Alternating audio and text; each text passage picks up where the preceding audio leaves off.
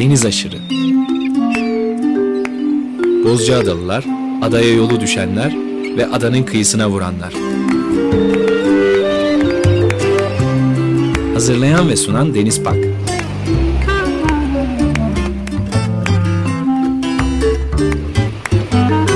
Türkiye için rüzgar enerjisi üreten Demirer Enerji'ye katkılarından dolayı teşekkür ederiz.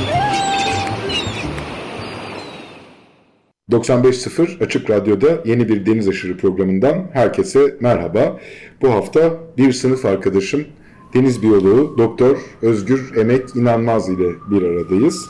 Sen de ben de hoş geldik Özgür.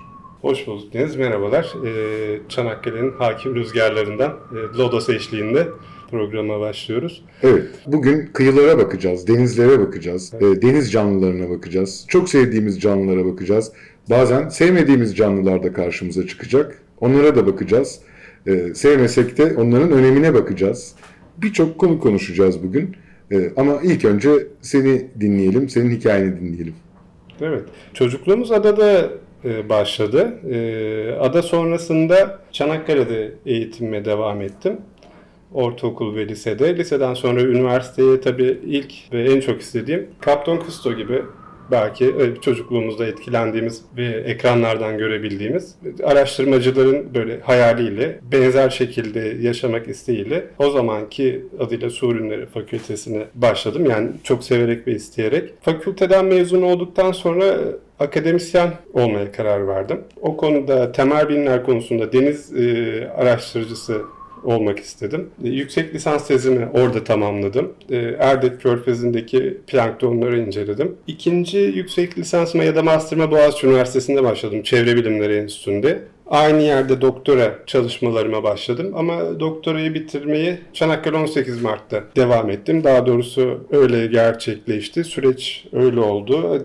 Bazı ailevi nedenlerden dolayı. Çanakkale 18 Mart Üniversitesi'nde de yine 2009'a kadar hem araştırma görevliliği görevinde bulundum hem de e, buradaki Çanakkale Boğazı ve Saras Körfezi'ndeki e, plankton biyolojik çeşitliliğini inceledim. Doktoranın son yılında e, Yunanistan'ın arşipel Pelagos Enstitüsü'yle e, birlikte çalıştım e, Samos Adası'nda misafir araştırıcı olarak. Onlardan da çok şey öğrendim. Onları da çok şey öğrettik. Döndükten sonra e, maalesef akademik çalışmalarıma Çanakkale 18 Mart Üniversitesi'nde devam edemedim. O zamanki siyasi ortam buna izin vermedi. Hala da benzeri bir ortam devam ediyor.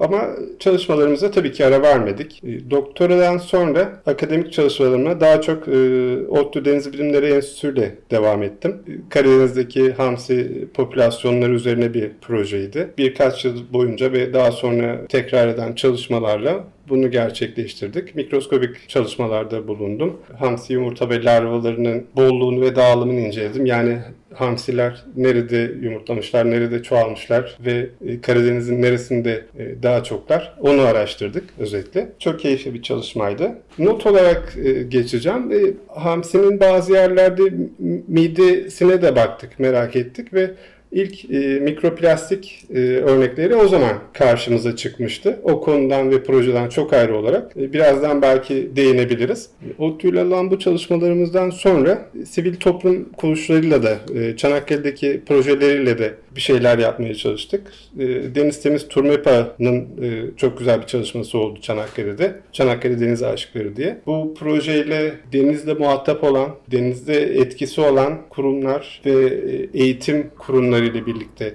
e, bir şeyler yapmaya çalıştık. E, örneğin Gelibolu Tarih Alan Başkanlığı ile birlikte alan kılavuzları ve rehberlerle çevre ve plastik konusunda eğitimler yaptık. Bu çok önemliydi. Çünkü 1 milyon üzerinde her turizm sezonunda ki bu biliyorsunuz 18 e, Mart'a yakın başlar ve kışa kadar devam eder. Yüz binlerce insan burada atalarımızın topraklarımızı nasıl savunduğunu ve bu mekanları, tarihi mekanları görmeye geldikleri için fakat bu manevi doygunluğa rağmen aynı şeyi, hassasiyeti e, attıkları pet ya da tabaklarda göstermedikleri için alan kılavuzları ve rehberler eşliğinde buna nasıl çözüm bulabiliriz ve bunların etkileri nelerdir E, bunları konuştuk. Benzer çalışmayı yine denizi kullanan, deniz ulaşımında Çanakkale'de söz sahibi olan Geztaş personeliyle yaptık. Hem saha hem gemi personeliyle e, çok güzel eğitimler yaptık. Liman Başkanlığı'yla Çanakkale'deki balıkçı kooperatiflerinde onlarla birlikte onların eğitimlerine ek olarak bu çevre eğitimlerini yaptık. Çünkü çok sayıda ağ kullanılıyor, çok sayıda e, strafor ve depolama alanı kullanılıyor plastik olarak. Bunların etkilerinden bahsettik ve bunların denizde neye dönüştüklerinden bahsettik. Bunların dışında e, yine yerel yönetimlerle, muhtarlıklarla aynı eğitimler oldu. Bütün ilçelerdeki muhtar eğitimleri Gökçeada ve Bozcaada'da Sayın Belediye Başkanlarımızın desteğiyle Bozcaada'da Hakan Can Yılmaz, e, Gökçeada'da Sayın Ünal Çetin'le birlikte, destekleriyle birlikte çok güzel eğitimler oldu. Bu eğitimlerden sonra bunlar kadar önemli eğitim kurumlarımızda eğitimlerimiz oldu. Liseler, orta öğretim ve liselerde. Bu eğitimler öğretmenlerimize, çocuklarımıza nasıl eğitim vermeleri gerektiğiyle ilgili çalışmalardı. Çünkü genel bir çevre eğitiminin e, altını doldurmamız gerekiyor. Yani plastiğin e, neden tehlikeli, neden kötü bir şey olduğu ile ilgili. Ne anlatıyordunuz o eğitimlerde Özgür? Daha çok plastiğin yani mesela çocuklar e, cips yediklerinde, cips kötü bir örnek oldu özür dilerim ama mesela su e, pet şişeden su içtiklerinde ya da bir bardaktan, plastik bardaktan e, bunu umarsızca ya da bunu atan büyükleri de olabilir, kendileri de olabilir.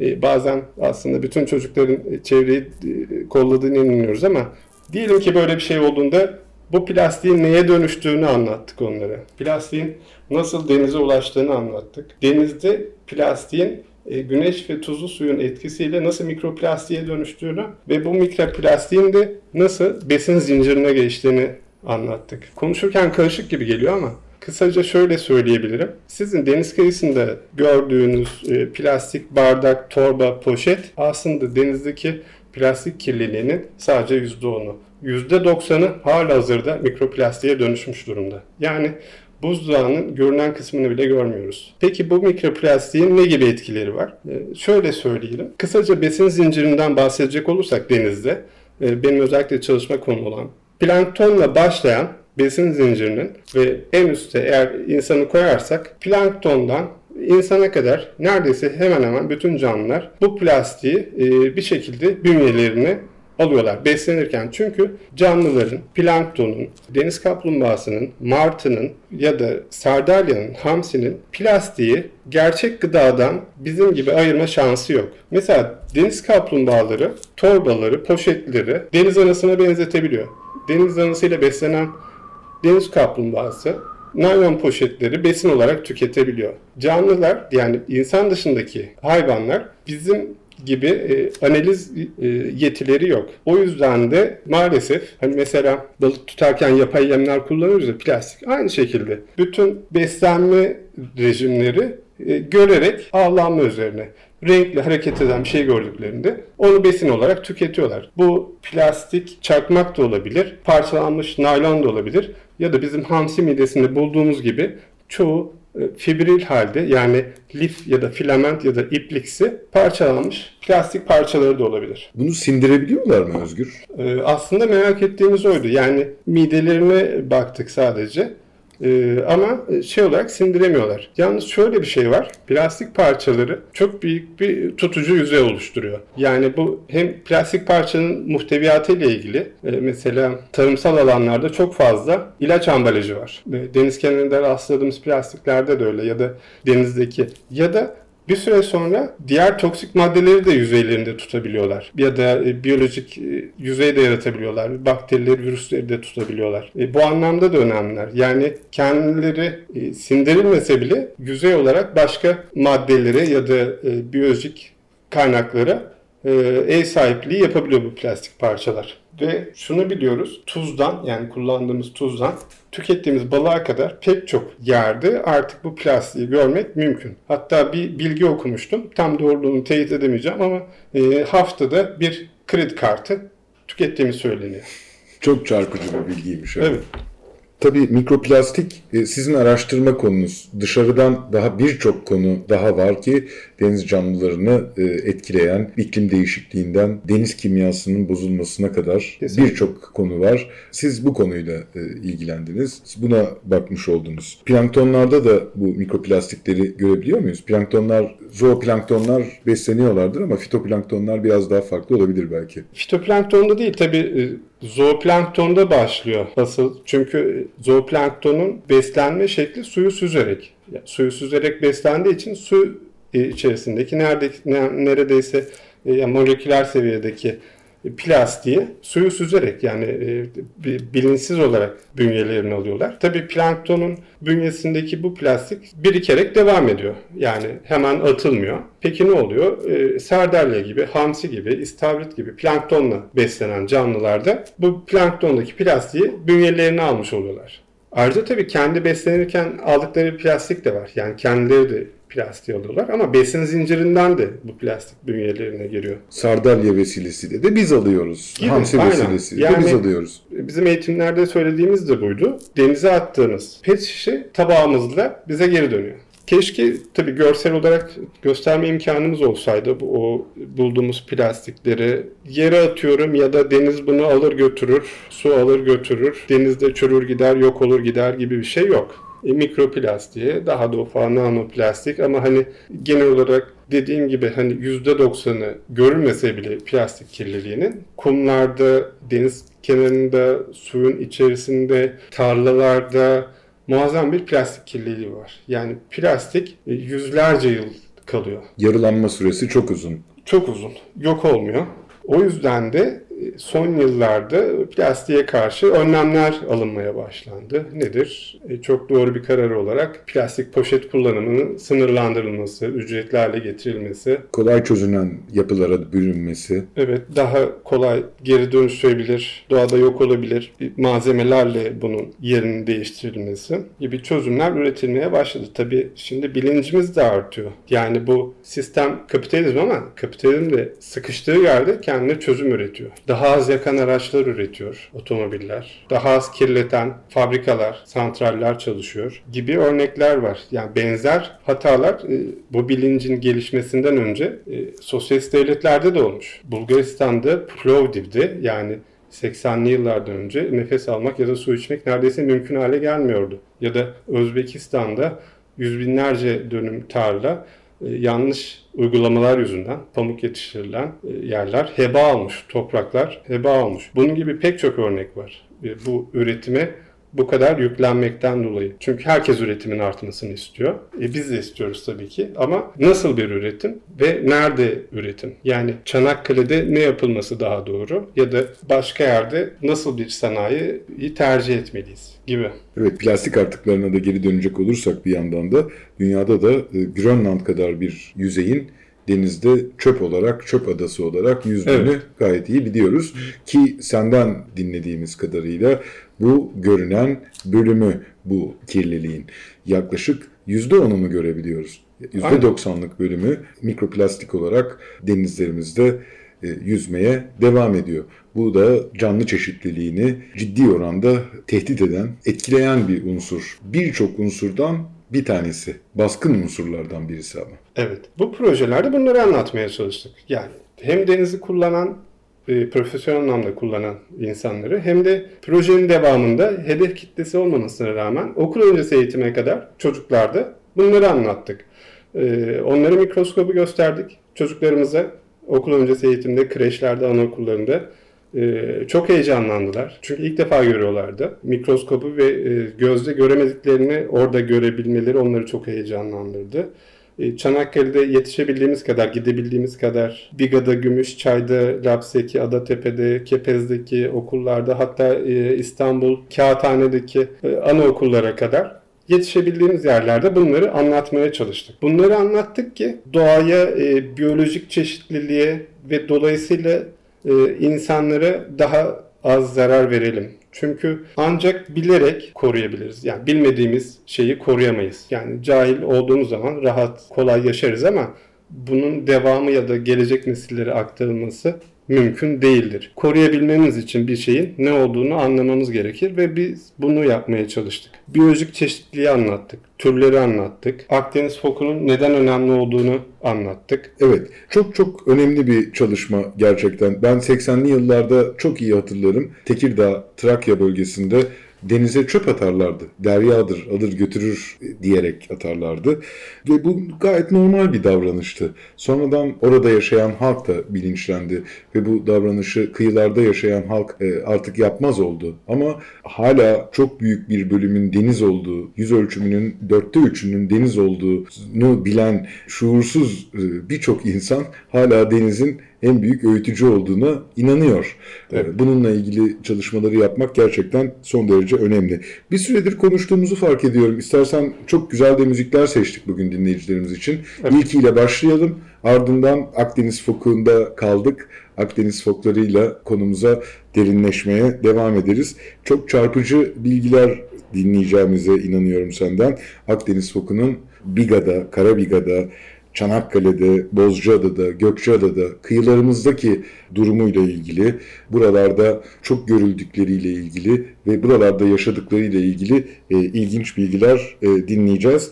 Enteresan müzikler e, seçtik sizler için. Çiğdem Aslan, daha önce bizim programda hiç çalmadığımız bir e, sanatçı. İlk kez çalacağız. Kendisi Rebetiko coverları yapıyor. O eski rebetleri aynı coşkuyla, aynı güzellikle söyleyenlerden bir tanesi. İstersen Dervişaki ile başlayalım. Tu Başlayalım. Dervişaki. Çok sevdiğim bir şarkı. Dinliyoruz. Imena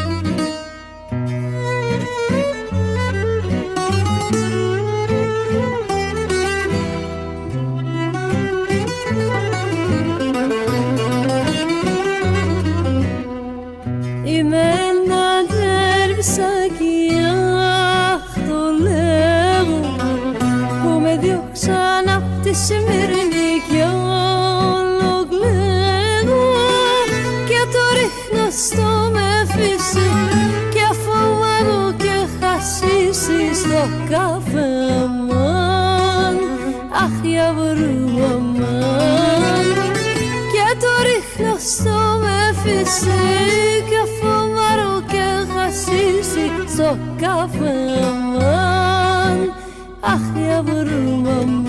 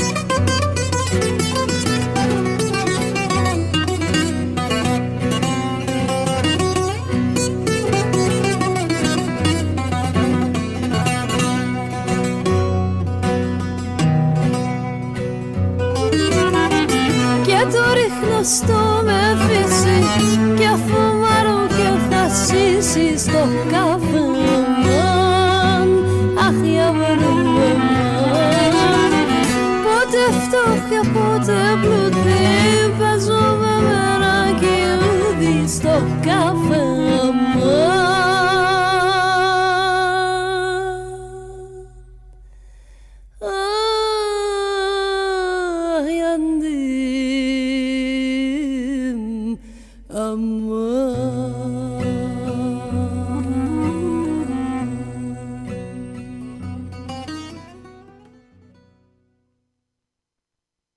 95.0 Açık Radyo'da Deniz Aşırı programına kaldığımız yerden devam ediyoruz. Program konuğumuz Özgür Emek İnanmaz ile deniz biyoloğu Özgür Emek İnanmaz ile e, sohbetimize de kaldığımız yerden devam ediyoruz. Çiğdem Aslan'dan da çok güzel bir Rebetiko e, yorumu dinlemiş olduk. Yeniden bu parçaların bu topraklarda söyleniyor olması da çok hoşumuza gidiyor. Yeni parçaları da çok seviyoruz ama bu eski parçaların bugünün insanları tarafından yorumlanması da gerçekten çok büyük keyif veriyor ayrıca. E, Akdeniz folklarında kalmıştık Evet. programda parçayı çalmadan önce. İstersen e, oradan devam edelim. E, hangi vesileyle çalışmıştınız Akdeniz folklarını? E, bu bölgede çalıştığınızı biliyorum. Evet, bu bölgede çalıştık. Aslında Ege'nin karşı kıyısından şarkıyı da ara verdik. Ee, Ege'nin karşı kıyısıyla e, ortak bir sorumluluğumuz da var. Akdeniz foku. Çünkü Akdeniz foku e, nüfusu e, 500-600 civarıyla adet olarak e, telaffuz ediliyor ve bunun çoğu da e, Yunanistan ve Ege kıyılarında. Ancak e, bizim yaptığımız çalışmayla 2014-2015'te başlayan çalışmayla bunun e, Marmara Denizi'nde olduğunu da biz tespit ettik. Aslında Marmara Denizi'nde olmasını bilimsel anlamda tespit ettik. Ancak bu binlerce yıldır burada olan bir tür. Yeni gelen bir tür değil. Hatta ilk bir telefonla başladı bu fok hikayesi. Çanakkale'de e, çok değerli gazeteci abimiz Sayın Ziya Değirmenci bir gün aramıştı. Karabiga'da böyle görüntülerin e, ve e, Akdeniz fokunun olduğu ile ilgili bilgiler ulaştığını söylemişti. Akabinde hemen arabaya atlayıp Karabiga'ya gittim. Bir ön araştırma yaptım. Balıkçılarla konuştum. Bölgeyi gezdim. Balıkçılardan inanılmaz bilgiler aldım. E, aslında bizim bilim insanlarının e, araştırmalarla, gözlemlerle elde ettiği verilerden çok e, bu sahadaki rastlanan veriler de çok önemli. Aslında çok uzun yıllardır yani o bizim konuştuğumuz balıkçılar sanırım yaşı mesela 70'in üzerinde olanlar çok daha çarpıcı hikayeler anlattı. Bazen kıyıya tekneyi yanaştırmak için e, fokları e, kürekleriyle ittiklerinden bahsetti. O kadar çok e, fok nüfusu olduğunu söyledi. E, daha genç, e, orta yaşlı balıkçılar daha tarife dayalı işte e, açık renkli farklı fokların da olduğunu falan söylediler. Yani balıkçılardan da muazzam bilgiler öğrendik geçmişten beri. E, ama e, maalesef e, sonrasında yaptığımız çalışmalar, e, ODTÜ ekibiyle birlikte mağaraları koyduğumuz kameralar sonrasında sayının oldukça azaldığı ile ilgili. Ama gerçekten burada bir Akdeniz foku popülasyonu var. Kaç adet olduğu, kaç olduğu hiç önemli değil. Ama bunun biyolojik çeşitlilik olarak ve ekosistem sağlığı olarak önemi çok büyük. E, çünkü ekosistemi insan vücuduna benzetecek olursak gerçekten çok güzel ve sağlıklı bir ekosistem var Karabiga'da. Bunun devamı için de bu fokların korunması gerekiyor. Bu fokların korunması sadece türün korunmasında değil, yaşadığı yerlerin, beslendiği yerlerin, ürediği yerlerin, güneşlendiği yerlerin korumasından geçiyor. Bu anlamda bir koruma içinde en büyük güvence, e, foklar için en sağlıklı güvence e, yaşadıkları alanın, mağaraların, e, sahillerin korunması. Karabiga bu anlamda çok şanslı. Bir o kadar da şanssız çünkü e, onlarca termik santral projesi e, yeni imar planlarıyla gündeme getiriliyor. Sürekli gündemdeydi. Tıpkı Biga Yarımadası, Kaz Dağları eteklerinde yürütülen, başlatılan projeler gibi burada da pek çok sanayi projesi dayatılmaya başlandı. Evet, bütünleşik kıyı planı diye bir imar planı hazırlandığını konuşmuştuk. Bundan 3-4 hafta önce Mimar İsmail Erten'le birlikte kıyıdaki yapılaşma bölümünden bahsetmiştik. Bugün seninle de e, bunun denize olan etkilerini aslında bir anlamda konuşuyoruz. Evet. Akdeniz fokunun biyolojik çeşitlilik açısından önemi az önce belirttiğim gibi çok yüksek. Çünkü buradaki ekosistemin e, çok sağlıklı olduğunu gösteriyor. Bu da e, bizim burayı korumamız için en büyük nedenlerden biri. Yani e, biyolojik çeşitliliği yani Akdeniz fokunu zaten varlık olarak korumak zorundayız. Gelecek nesillere bunu zaten aktarmak zorundayız. Hatta bunu uluslararası sözleşmelerle teyit bile etmişiz. Yani bu bizim sorumluluğum, sorumluluğumuzda olan bir e, çalışma. Bir o kadar Yunanistan'ın da var. Çünkü e, Ege'nin e, son kalan bireyler Ege'nin her iki kıyısında ve Marmara Denizi'nde. Biyolojik çeşitlilikten ve kıyılardan bahsetmişken, Karabiga kıyılarından bahsetmişken Akdeniz foku sadece Karabiga kıyılarında yok tabii ki. Asos, e, Babakale'den başlayıp hatta orada tepede e, Tanrıça Athena için yapılmış tapınaktan baktığınızda güneyde Erde, Edremit Körfezi'ni görürüz. Kuzeye doğru çıktığınızda Babakale'ye doğru. E oradan Bozcaada'da e, senin de gözlemlediğin, tespit ettiğin e, Akdeniz fokları Gökçeada'dan da çok sayıda rapor edilmiştir. Saros Körfezi yine benzer yapı kıyı oluşumlarında. Buralar aslında korunan bölgeler, tesadüf değildir.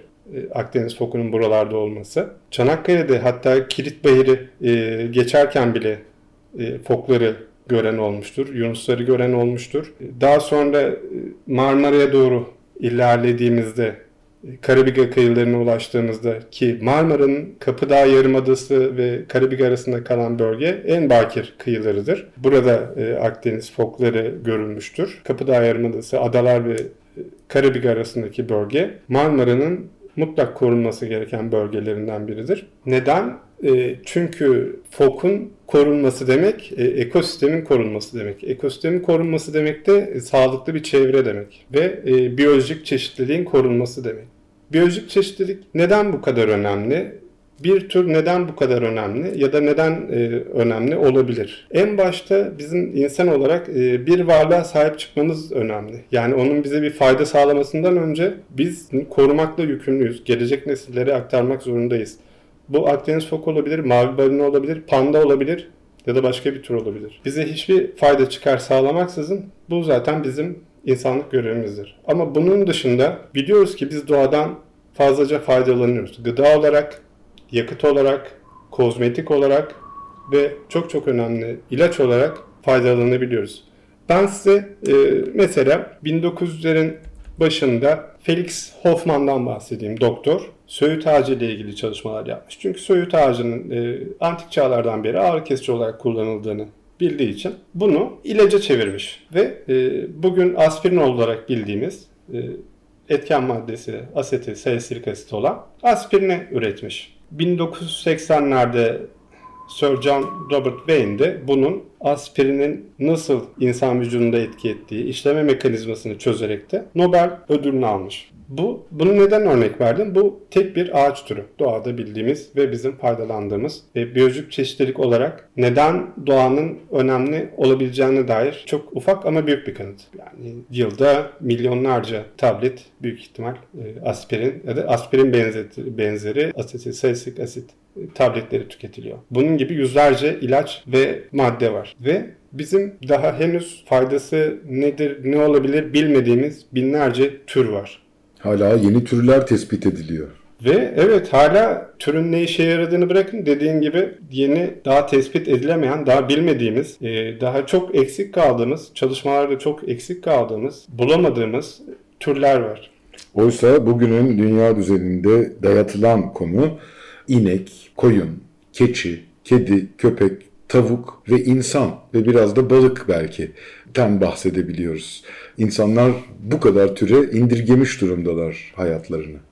Evet. Böyle olunca e, biyolojik çeşitliliğin önemini e, unutmamız gayet doğal görünüyor. Ama biyolojik çeşitliliği unuttuğumuzda, e, tek türe indirdiğimizde ya da e, bir tür kaybolduğunda ne olacağını bilemiyoruz. Mesela ben size başka bir örnek vereyim. 1845'te başlayan İrlanda'da bir kıtlık var. Bunun sebebi patates. Yani herkes şimdi E, patatesten ne olabilir ki? Olmasa ne olur gibi düşünüyor ama 1845'te İrlanda'da patateste bir hastalık oluyor. Bir mantar hastalığı. O yıl e, patateslerin %40'ı kullanılamaz hale geliyor. Çürüyor, bozuluyor bu mantardan dolayı. Ertesi yıl hiç kalmıyor. Bu hastalık 7 yıl boyunca devam ediyor.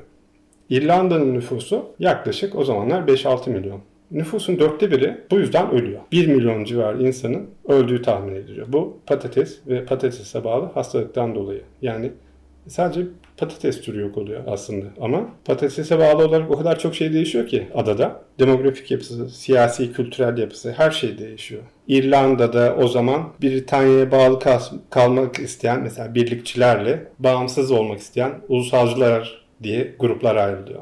Dil kullanımı değişiyor. Mesela ben bilmiyordum ama e, İrlandaca e, kullanımı azalıyor. Bu kıtlığa zaten Gorta Mor ismini veriyorlar. Büyük kıtlık. Bu tek bir patatesin bir mantar yüzünden hastalanmasıyla ve bu 7 yıl süren kıtlıkta 1 milyonun daha fazla insanın ölümüyle sonuçlanıyor. Bu o zamanlar patatesli olmuş. Peki buğdayda olursa bu ne yapabiliriz bu yıllarda? Biz o kadar belki patatese bağımlı değiliz ama gerçi patateste de biliyorsunuz geçtiğimiz yıllarda sıkıntı yaşadık. Bir kilosu 10 liraya falan patates aldık yani 3-4 sene önce. Buğdayda olursa ne yapacağız? İşte biyolojik çeşitlilik, doğanın koruması, doğanın zengin olması, insan vücuduna benzetmiştik ya, sağlıklı olması bu yüzden çok önemli. Belki o yüzyıldaki evet insan etkisiyle olmadı. Doğanın kendi içinde gelen sanayinin, endüstrinin ya da bizim baskımız e, altında olmayan bir kıtlıktı. Ama şu var, şimdi daha hassas. Çünkü her şey çok daha kırılgan.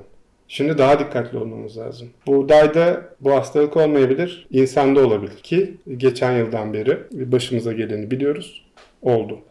Her şeye erişimimiz kısıtlandı. Sosyal, kültürel her şeyimiz kısıtlandı. İklimdeki değişiklikleri görüyoruz. Ee, ocağın ortasındayız. Bademlerimiz yaprak dökmeden tomurcuklanmaya başladı. Sıcaklığa bağlı olarak kış uykusuna yatması gereken e, ya da belli sıcaklıklarda üreyen ya da belli sıcaklıklarda belli cinsiyet seçimine dayalı pek çok türün yönünü şaşırması mümkün pek çok bakteri ve virüsün ortama yayılması mümkün. Ve türler üzerinde baskı. Benim daha önce bir küçük bir yazım olmuştu. Ee, biz neden uçuk çıkarıyoruz? Uçukluyoruz yani insan olarak. Ee, strese girdiğimiz zaman uçukluyoruz. Biz baskı altına girdiğimiz zaman uçuklarız biz.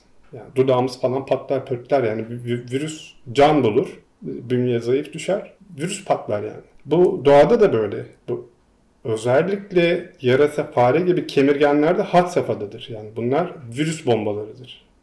Ya bunları sıkıştırdığınız zaman, bunların yaşam ortamlarını sıkıştırdığınız zaman bunlar ortalığa saçılırlar. Yani bunlar e, komple teorilerine gerek yok. Amerika onu yaptı, Avrupa bunu yaptı, Çin bunu yaptı. Hiç öyle bir şey yok. Bunu hepimiz yaptık. Bizim doğayı bu kadar sıkıştırmamız, e, bir, bu virüs bombalarını patlatmamızın sebebi tamamen kendimiziz. Ve sağlıklı vücuttan az önce bahsetmiştik. Sağlıklı bir ekosistemden yana yol tutmazsak maalesef korona bir başlangıç olacak ve devamı gelecek. Her şey bu kadar karamsar mı? Her şey bu kadar kötü mü? Tabii ki değil. Tarımda özellikle e, doğal tarım, e, onarıcı tarım, organik tarım uygulamaları, endüstride daha az e, karbon salınımı, daha çevreci otomobiller, işte daha bilinçli bir toplum. Bu sürecin ben eminim ki pek çok insanımız pek çok şey öğrendi.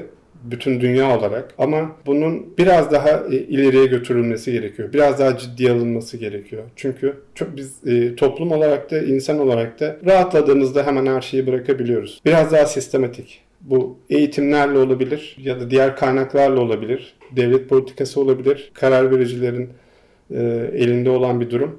E, biraz daha ciddi alınması gerekiyor. Bu insanlığın yaptığı şey evet biz e, çok zeki, çok üstün bir canlıyız insanoğlu olarak. Ama nano boyuttaki bir virüs gösterdi ki her an duvara çarpabiliriz. İnsanın üstlendiği rol itibariyle de e, bu rolü hakkıyla yapması gerektiğini anlıyorum anlattıklarından. Gerçekten vahşi hayatı da, doğal hayatı da doğru yaşanabilir bir ortamı bu dünyaya, vahşi dünyaya, doğal dünyaya bırakabilmek gerekiyor.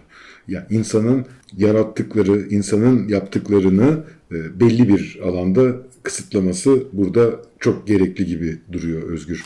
E, bu anlamda da e, çok büyük bir baskı altında doğal hayat, vahşi hayat ve oldukça da kritik bir yerdeler bu canlılar, dünyada bizim dışımızda olan canlılar oldukça kritik bir öneme sahipler. Bunu anlıyoruz.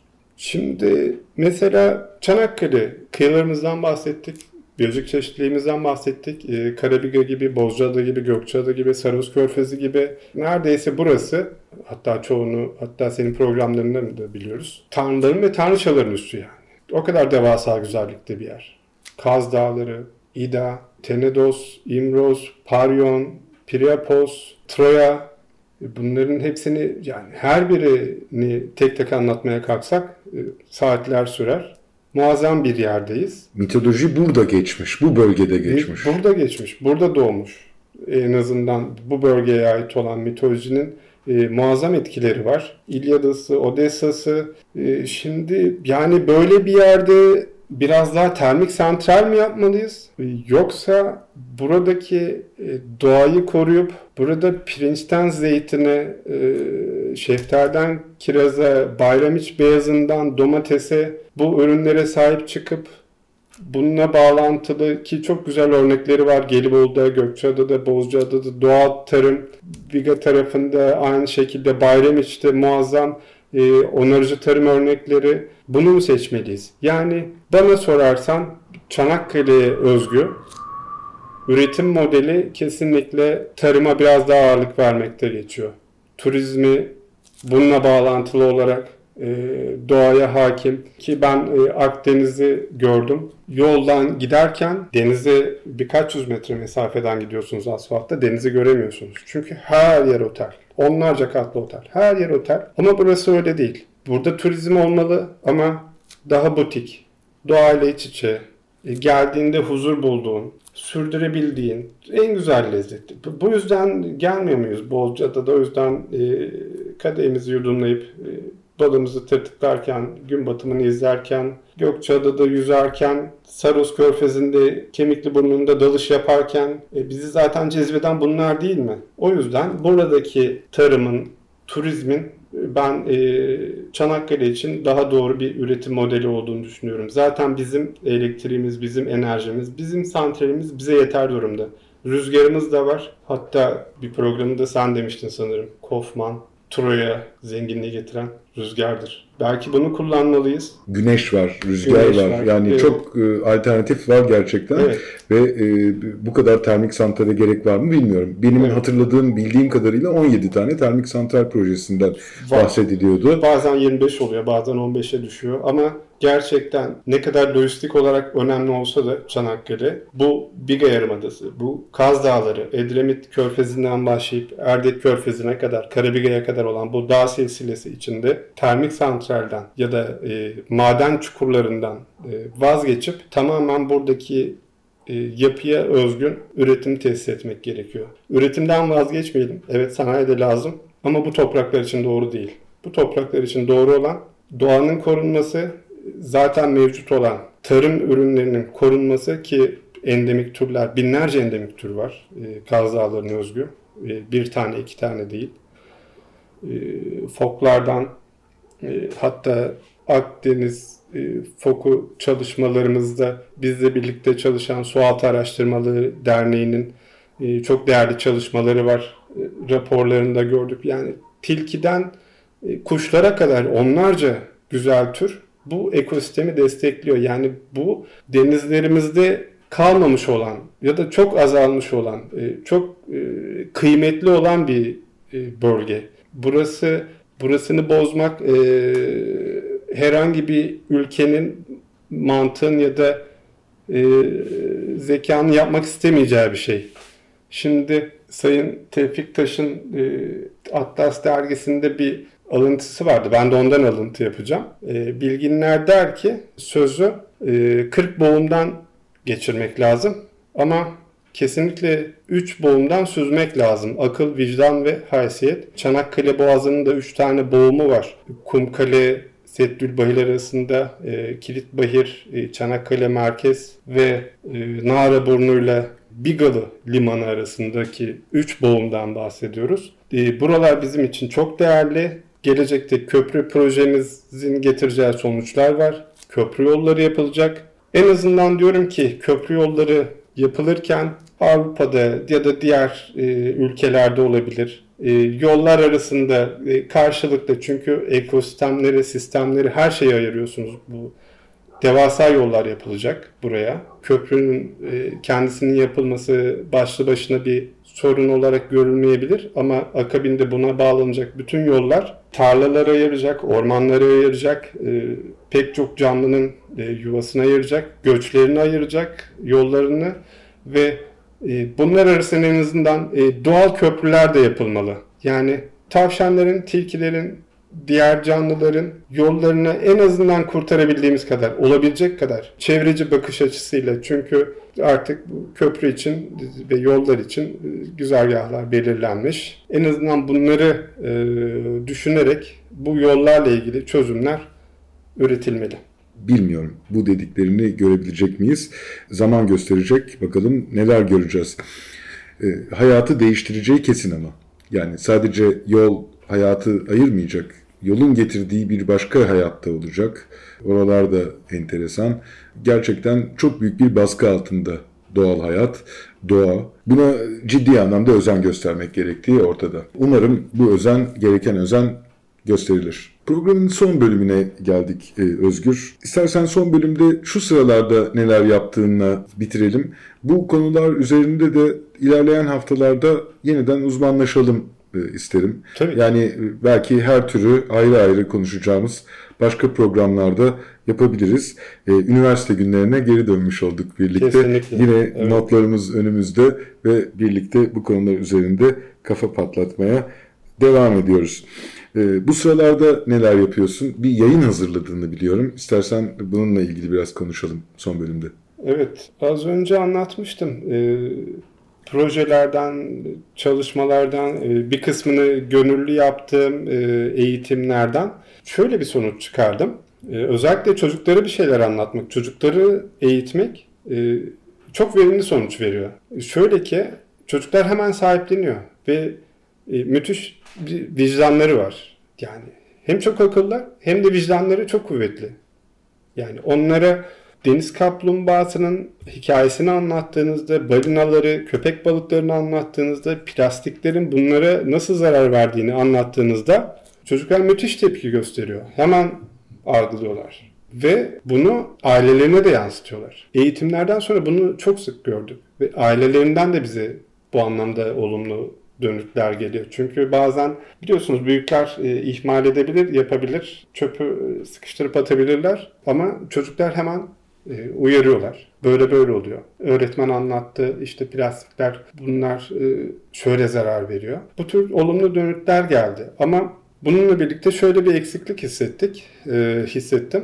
Çocuklarımızın elinde yani özellikle Türkiye'de e, kullanabilecekleri ya da böyle e, araştırmaya başlayabilecekleri, girişecekleri ya da merak ettiklerini öğrenecek, öğrenebilecekleri, e, denizi tanıyabilecekleri çok yerli kaynak yok. Evet e, belli kurumlardan çıkan TÜBİTAK'tan ya da e, birkaç güzel girişim ve paylaşım dışında ülkemizden e, çıkmış kapsayıcı çocuklara denizi anlatacak, suyun önemini anlatacak, oksijenin %70'inin e, denizdeki fitoplankton tarı, tarafından e, üretildiğini e, anlatacak bir kaynak yok. Ya da e, sardalyayı, e, ahtapotun kaç kalbi olduğunu, köpek balıklarını, e, balinaları ya da fokları, kaplumbağaların neden önemli olduğunu anlatacak bir kaynak yok. Bunun üzerine yoğunlaştım son bir yıldır. Ve güzel de bir e, kaynak çıkarmaya çalıştım. E, Sanıyorum önümüzdeki ay Şubat'ta bu çıkmış olacak. Yani eğitim önemli diyorum e, ve eğitim materyali hazırlamak önemli diyorum. E, bu anlamda çalıştım son zamanlarda E, ve e, devamını getirmeyi de düşünüyorum. Müthiş. Anlattıklarından şeyi hatırlıyorum. Bizim üniversite yıllarımızda Taceddin Saner'in Denizlerin Sırları kitabını ben unutamıyorum evet. mesela. Evet, Çok kesinlikle. ne kadar istifade etmiştik yıllarca o kitaptan. Eminim senin yazdığın eser onun da bir adım önünde olacak ve çocuklara bu konuyu daha da düzgün bir şekilde e, anlatabiliyor olacak. E, anlatmaktan yılmamalıyız. Anlatmalıyız. E, Bu konu hayat var olduğu sürece çözülmeyecek belki ama hep çözüme yakın yerde durmalıyız en azından. Kesinlikle. Kesinlikle. E, en azından böyle gözüküyor. E, programın sonuna geldik. Çok teşekkür ederim Özgür. E, Ben katkıların için, e, verdiğin bilgiler için. Ben teşekkür ederim. Çok sağ ol. Umarım yeni bir programda e, tekrar daha detaylı çünkü konularımız çok uzun. Yani kıyılardan mı, çeşitlilikten mi, yapılabileceklerden mi, daha yapılabileceklerin e, sadece ufak bir örneğini verdik. Ama pet şişe kullanımından onun yerine matarayı tercih etmeye kadar pek çok e, konu var. E, bunlardan bahsedemedik. E, umarım tekrar bir araya gelme şansımız olur. Ama önemli şeylerden bahsettiğimizi düşünüyorum ve bu anlamda bir şeyler yapılması ve herkes tarafından bir şeyler yapılması. E, devlet, kurumlar, STK'lar, e, siyasi otoriteler e, ve senin benim gibi sıradan insanların bile bir şeyler yapabileceğiyle ilgili bir farkındalık yaratmış olduk umarım. Umuyorum. Bu hafta program konuğumuz sınıf arkadaşım deniz biyoloğu Doktor Özgür Emek İnanmaz idi. Önümüzdeki hafta Salı günü saat 11'de yeni bir Deniz Aşırı programında buluşuncaya dek hoşçakalın. Hoşçakalın. Deniz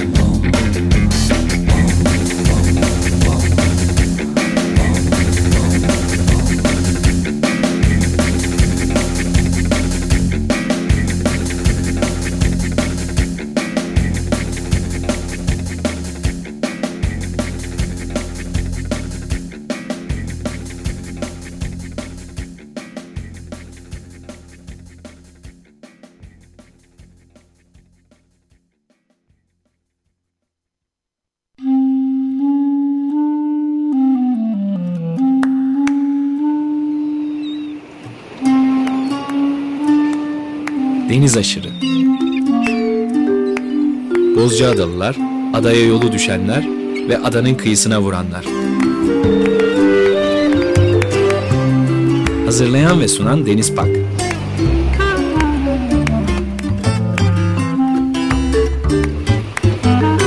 Türkiye için rüzgar enerjisi üreten Demirer Enerji'ye katkılarından dolayı teşekkür ederiz.